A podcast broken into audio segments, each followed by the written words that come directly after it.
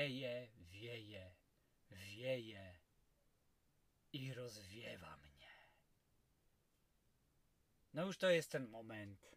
Za chwilę zapalimy znicze. Co mnie ostatnio rozśmieszyło, albo inaczej, poruszyło, jeśli chodzi o kwestie czeskie i czechosłowackie. No, zaczyna się akurat, e, zaczyna się akurat bonus do odcinka Lato z Miss Kohinor. No, a więc no, mówimy tu często o jedzeniu. Więc żebyście wy nie musieli, obejrzałem ostatnio kilka czechosłowackich filmów z czasów normalizacji z lat 70. i 80. Na przykład taki film pod tytułem Angielski stek z czeskimi dodatkami. Mówię sobie, zobaczymy, co tam będą e, robić. Okazuje się, że rodzinka przyjmuje gościa z Anglii e, do swojego wolnego pokoju. No tak sobie dorabiają. No i przyjeżdża taki gentleman angielski. Oczywiście mówi dosyć dobrze po czesku, bo na targi i inne prezentacje do Czechosłowacji jeździ bardzo często, także już na pewno publiczność tam y, z jego czeszczyzny sobie rwie boki. Uważnie, żeby nie zerwać boku z tatuażem e, od razu. E, Więc, no cóż, no, młoda Simona Staszowa, którą znacie pewnie z pod jednym dachem. Gościowi proponuje śliwowicę. On pyta, co to takiego? A to jest napój rdzennej ludności. Ha, ha, ha. Nic z tego po prostu dla mnie nie wynikło, ale spędziłem z tą rodzinką i z tym e, angielskim gentlemanem jakiś czas i myślę sobie, że rację miał Kundera, kiedy mówił o czasie zapomnienia, jako o tym czasie po wejściu Układu Warszawskiego do Czechosłowacji, bo większość tych filmów, tych normalizacyjnych filmów, które miały ludzi po prostu bawić, które miały stanowić tą rozrywkę telewizyjną, czy też oczywiście kinową, no to są po prostu sraczki.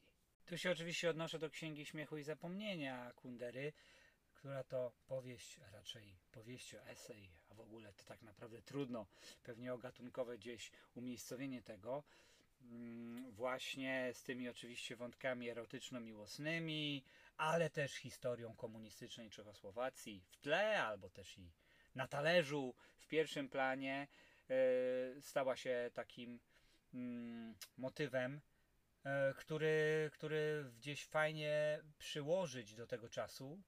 Czas zapomnienia i czas śmiechu. Bawmy się, niczym się nie przejmujcie. Ten słynny czeski klit na pracy, czyli e, spokój e, w robocie. E, róbcie co macie robić, a będzie ok, tak? Marchewka i kij, więcej marchewki, a gdyby ktoś tej marchewki nie chciał żreć, no to i kij się znajdzie. Tam zresztą pojawiają się, chyba w pierwszej wersji tak naprawdę, potem musiał to Kundera zmienić, dosyć obraźliwe, mm, dosyć obraźliwe wątki e, dotyczące e, prezydenta doktora Gustawa Husaka, jak i również no, tego głównego klauna reżimowego, mm, zabawiacza, moderatora w jakiś sposób właśnie tej kultury, a więc Karla Gota. On e, w stosunku do nich w pierwszej wersji użył e, no, dosłownie po prostu imion i nazwisk. Potem się to e, jakoś tam wygumowało z następnych wersji tej powieści. Ja nie wiem, jak jest w tej polskiej najnowszej wersji. Sprawdźcie. Czyżbym ja przypadkiem, ups, wymienił tutaj nazwiska naszych jesiennych bohaterów przyszłych odcinków? Hmm, no nie wiem, nie wiem. Ale tak e, pół żartem, pół serio, no żyjemy w bardzo niebezpiecznych czasach. Wszyscy wiemy, co się dzieje w różnych regionach zapalnych, nawet już nie zapalnych, bo te miejsca, które mam oczywiście na myśli, to, to płoną i to płoną żywym ogniem. E, No i stąd pojawiła się w mediach czeskich ankieta.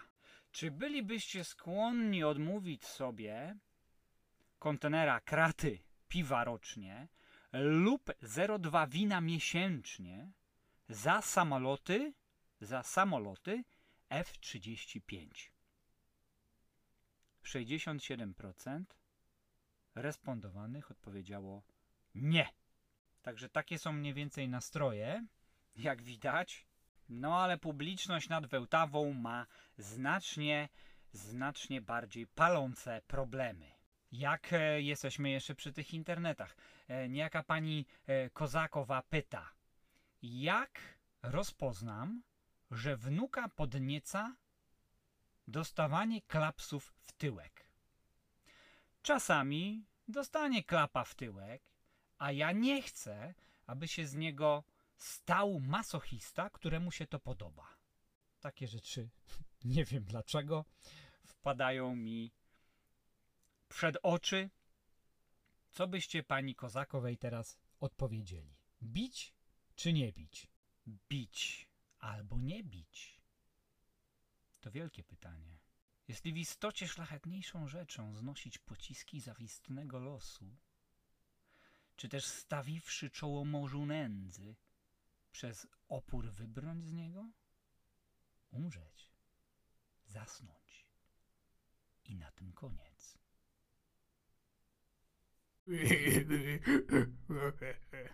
e, jak najbardziej jest to pora, żeby trochę o duchach poopowiadać. Tu jakieś bajty, clickbajty muszą być po prostu, tak?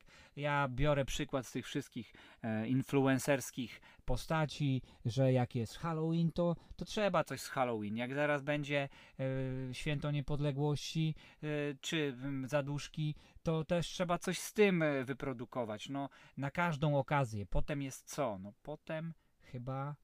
Hmm. No właśnie, no właśnie, będą wyprzedaże. Będą wyprzedaże. Kubka, jak był biedny, a był biedny, i to też czasami w swoim życiu do, dorosłym już w pełni, cierpiał też, myślę, i również z tego powodu e, na depresję wielokrotnie, ale gdy był młodym studentem, był strasznie chudy i blady. Dorabiał sobie, wypożyczając się na seanse spirytystyczne. Bardzo popularne na początku, w końcu XIX i na początku XX wieku. No i warto wtedy było mieć jakiegoś bladego studenta, bo to było takie wdzięczne medium. Także jak najbardziej. Wirujące, rotujące stoliki, latające papierośnice i ten nasz biedny, biedny Franciszek Kubka aż poznał Valdesa i wszystko już było w porządku, bo Jindrzich Waldes e, zaczął kilogramami kupować jego dzieła i dzieła jego przyjaciół i los się odmienił. Ja na pewno tak już z przeoczenia może, albo wydało mi się to po prostu e, w jakiś sposób oczywiste, nie powiedziałem w czasie tego pełnego odcinka, że Jindrzich Waldes e, miał jak najbardziej korzenie żydowskie zachowały się różne ciekawe donosy na jego ojca, który był człowiekiem bardzo przedsiębiorczym. No i pod tym taborem, gdzie, gdzie mieszkali, gdzie urodził się Waldes, gdzie rodzina Waldesów, zanim się do Pragi przeniosła, e, tam urzędowała, no to zachowały się w archiwach różne listy od chrześcijańskich obywateli, którzy podkreślali tą swoją odmienności i skarżyli się, że na przykład Waldes dostał dodatkowe pozwolenie na e, prowadzenie jakiejś hospody, gospody i może tam lać piwo. A ten dobry chrześcijanin, obywatel po prostu nie mógł tego, tego robić, bo nie miał pozwolenia i tak dalej, i tak dalej. Różne inne jeszcze gorsze antysemickie Wtedy na przełomie XIX-XX wieku, jak już doskonale wiemy, nakręcają się te histerie powoli i one będą miały tragiczny y, finał w latach 30., a przede wszystkim w pierwszej połowie lat 40. Ofiarą tego wszystkiego stanie się też sam e, Jindřich Waldes. No i tak poszukując jakiegoś przepisu związanego z Kubką i Waldesem do naszego zwykle kulinarnego bonusu, to zacząłem czytać ich listy. No pozdrawiają się pięknie. Mon chéri, pisze do niego kubka po francusku, do Valdesa. Valdes mówi o najwspanialszym przyjacielu i tak dalej, ale w tych listach nie natrafiłem na żadne kwestie kulinarne. Ewentualnie oni się tam pytają, a czemu to pańska żona była wczoraj taka niezadowolona, miała globus i tak dalej, i tak dalej. To pewnie wciąż wyniki tej wielkiej wojny, te stresy, to wszystko wychodzi dopiero po czasie. Jak jestem jeszcze przy żonach i przy żonie Franciszka Kubki, Eugenii, to wspominałem, że Waldes kupił trzy erotyczne obrazy kubki z 1905 roku. Powiedziałem wtedy dwa. E, w zasadzie miałem rację, bo to jest taki jeden e, szkic, e, coś w rodzaju studium i dwa obrazy olejne. Przepraszam najmocniej, to były akwarele. Ale nie zmienia to faktu, że dwie akwarelki i jeden szkic tuszem tak, nawet, y, nawet y, zostały te akwarelki y, w 1940 roku przez Niemców skonfiskowane z Galerii Narodowej. E, no, ale nie ma się pewnie czemu, czemu dziwić. Jakiś domorosły kolekcjoner miał mm, swoje erotika do kolekcji. No cóż trzeba powiedzieć, nikt z Was pewnie tu obecnych swojego przyjaciela spółkującego mm, z żoną na południu Francji. Mogę się mylić, ale raczej w kolekcji nie ma. Franciszek Kubka no, przedstawił tutaj swoje przyrodzenie, powiedzmy to wprost, albo to na dole, jak mówią katole, w taki sposób, że strach się bać. Strach się bać. Od erotycznych elementów trafiamy do kolejnych erotycznych elementów.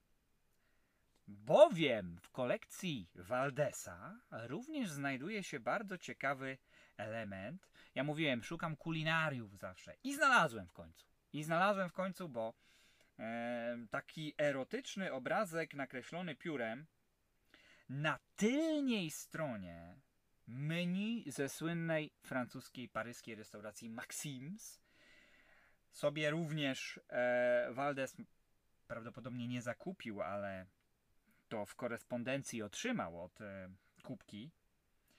Nie dość, że jest koniec października, a konkretnie to menu jest z 25 października 1919 roku, a z tyłu na tym menu, na białej, wolnej stronie, naszkicował, e, naszkicował kubka bardzo roześmianego gentlemana, który obłapuje, który obłapuje prawdopodobnie prostytutkę. Druga prostytutka też gdzieś tam tańczy z tyłu.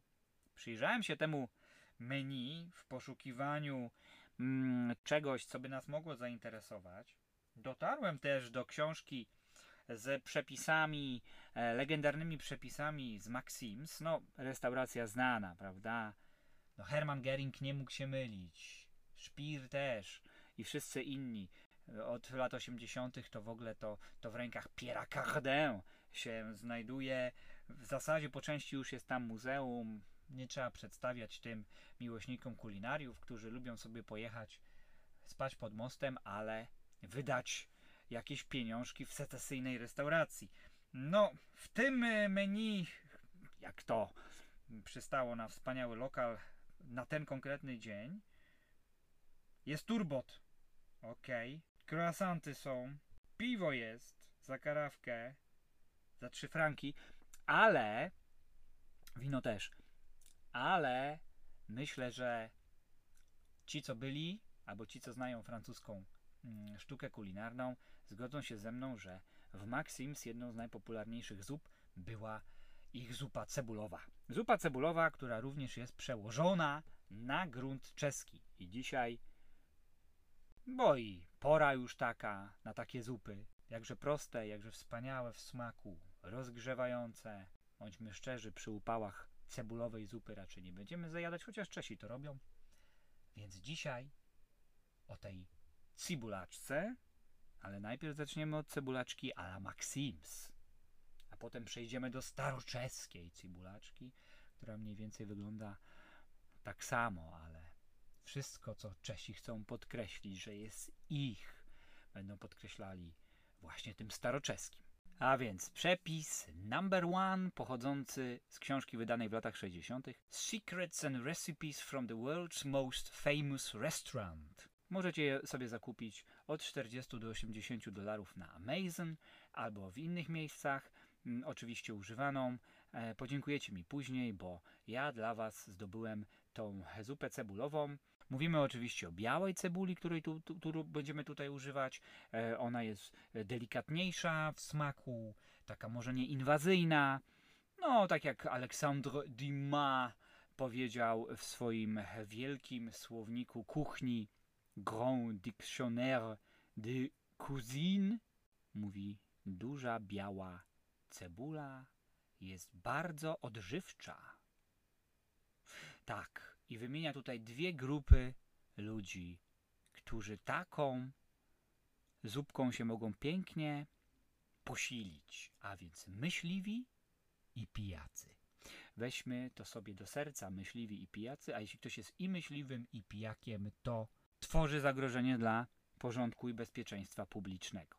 Kroimy, powinienem powiedzieć, na drobne kawałeczki cebulę i na maśle je przysmażymy, jak to Czesi mówią, do złotawa, posypiemy mąką i dalej kontynuujemy, aż nam pięknie zbrązowieje. Dodajemy wodę, no i przez 10 minut jeszcze na delikatnym ogniu podtrzymamy. Następnie kroimy chleb, który wkładamy do jakaś brytwanna po prostu. Wlewamy na ten chleb, który jest już tam położony na dnie zupę i posypujemy serem, grujerem na przykład. Pieczemy w piekarniku, aż nam powstanie, aż nam powstanie mm, ta e, złota e, pierzynka. Najpierw jeszcze francuska cibulaczka od popularnego blogera Cuketki, czyli cukinki. Mówi cukinka, że cibulaczka sama w sobie jest bardzo prosta. No i ma rację tutaj. Co nam zaproponuje? Kilogram cebuli, ponad litr wiwaru, czyli bulionu, tutaj używa akurat wołowego, tymianku, e, no on tu mówi jeden swazek, czyli, e, czyli jedna wiązka, powiedzielibyśmy tak, wino 75 ml, albo koniaku, albo wermutu, albo szery, trzy łyżki masła, dwie łyżki mąki, osiem płatków bagietki, którą on będzie tutaj przypiekał i kładł na górę i 200 gram sera, na przykład gruyère. Albo inne. No i mniej więcej to jest to samo, pra prawda? Zauważcie, że w, w przepisie Maxims dla pijaków i mm, e, dla mm, myśliwych nie było w ogóle mowy o winie, a to by nam się e, mocno kojarzyło z francuską kuchnią. Ale chwileczkę, teraz staroczeska. Staroczeska to cebula, masło, sól, pieprz, tymianek, białe pieczywo i olej. Czyli znowu musi być jakiś wywar. No tutaj jest po prostu 2 litry wody. To by się cukietka tym już raczej nie najadł. Musi być jakiś wywar, to są tylko 2 litry wody. E, to, co tam akurat macie pod ręką, będzie to po prostu treściwsze. Sól, pieprz, tymianek. To wszystko razem do 10 minut się gotuje. No i podaje się z tymi krutonami, tak? Czyli grzankami. Sypie się na górę ser, którego tutaj akurat w przepisie na bardzo popularnej stronie Prima Fresh nikt nie podał, ale no to absolutnie. Miły i drogi przyjacielu, napisał Kubka do Waldesa 16 sierpnia 1920 roku. Kiedy przyjedziecie znowu do Paryża, tak wtedy dam wam swoją głowę. Za to, że pozostawałem tak długo w milczeniu. Ja na pewno wam żadnej głowy swej lub kogokolwiek innego dawać nie będę, bo jestem absolutnie przekonany, że nie pozostanę w milczeniu długo. Możecie liczyć na bardzo atmosferyczny listopad z podcastem pod specjalnym nadzorem. Nie bójmy się cebuli, nie bójmy się czosnku.